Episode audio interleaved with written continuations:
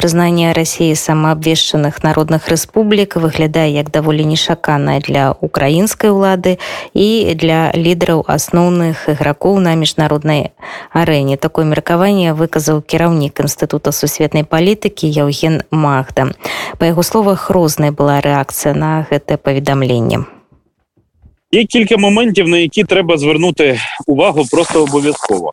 І визнання Путіним так званих ДНР ЛНР і подальші його сьогоднішні вже уточнення про те, що саме він визнає, вони свідчать про те, що Путін не просто визнає ці сепаратистські республіки, він е, фактично демонструє те, що він не дає Україні в своїй логіці права на політичне життя.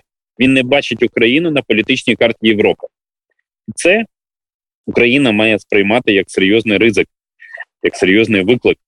Вона має на це відповідно реагувати. Це можна сказати найбільший виклик за 30 років на 31-му році нашої незалежності, оскільки ядерна держава, з якою у нас 2000 кілометрів кордону, говорить про те, що Україна не повинна існувати.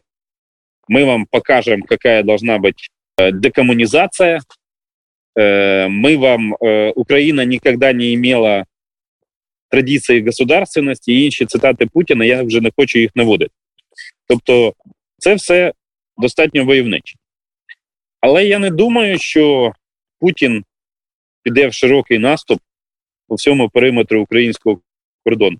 Швидше він буде намагатися досягнути успіху на території Донецької і Луганської областей для того, щоб не обов'язково навіть їх захопити, а для того, щоб максимально зруйнувати їхню інфраструктуру і перетворити їх на тягар для України. Це абсолютно зрозумілий факт.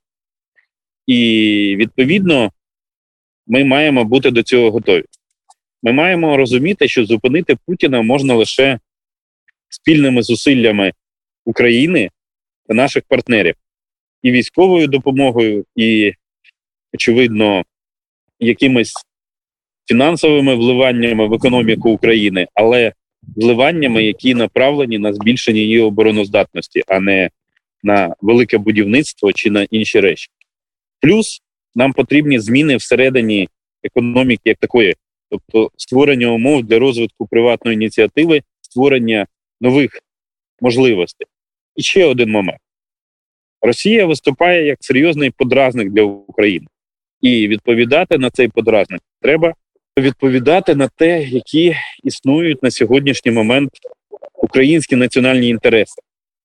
Зараз активується фактор виживання, тому що виживання всієї політичної нації, і його треба спрямувати в правильному напрямі і відповідним чином рухатись вперед. Тільки так ми зможемо ці ситуації виграти. Насправді, перемога для України, на мою думку, це вступ до НАТО. Можуть бути інші варіанти, можна про це сперечатися, але все-таки головний варіант це вступ до НАТО. А як ви оцінюєте реакцію і ті дії, які зараз у цій ситуації робить президент Зеленський? На жаль, реакція Зеленського, у всякому разі, перша була не просто слабкою, їй довелось дуже довго чекати. Значна частина мислячих українців була в захваті від його промови на Мюнхенській конференції, а потім буквально зразу йому довелось показувати, наскільки слова розходяться з правами. І це дуже дуже серйозний був виклик, і я б сказав, що цей іспит Зеленський не склав. Але він все-таки прийшов до необхідності вести діалог з парламентом. Сьогодні зустрічався з лідерами парламентських фракцій і груп. Я сподіваюся, що це дійсно почнеться якесь розуміння, і усвідомлення, що нам треба об'єднуватися. Що якщо ми не будемо об'єднані, то нас просто передушать поодинці і все.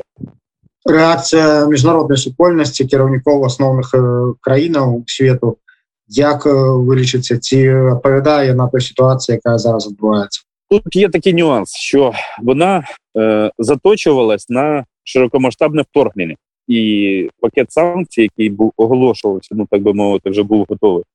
Він готувався як відповідь на вторгнення.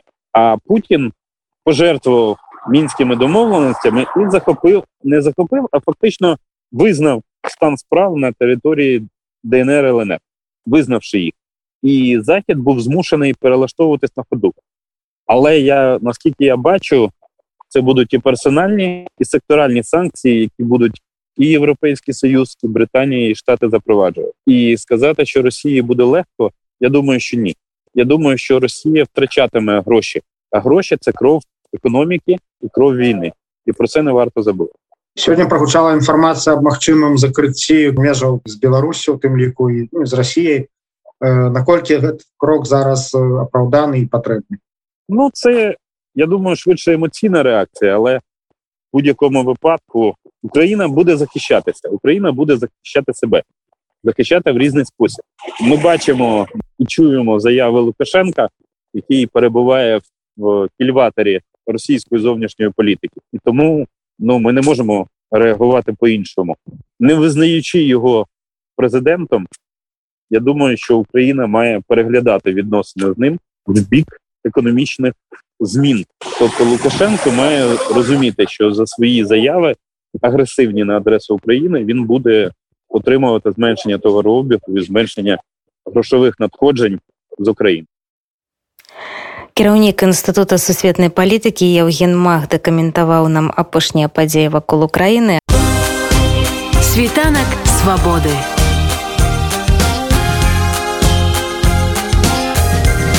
Świt wolności.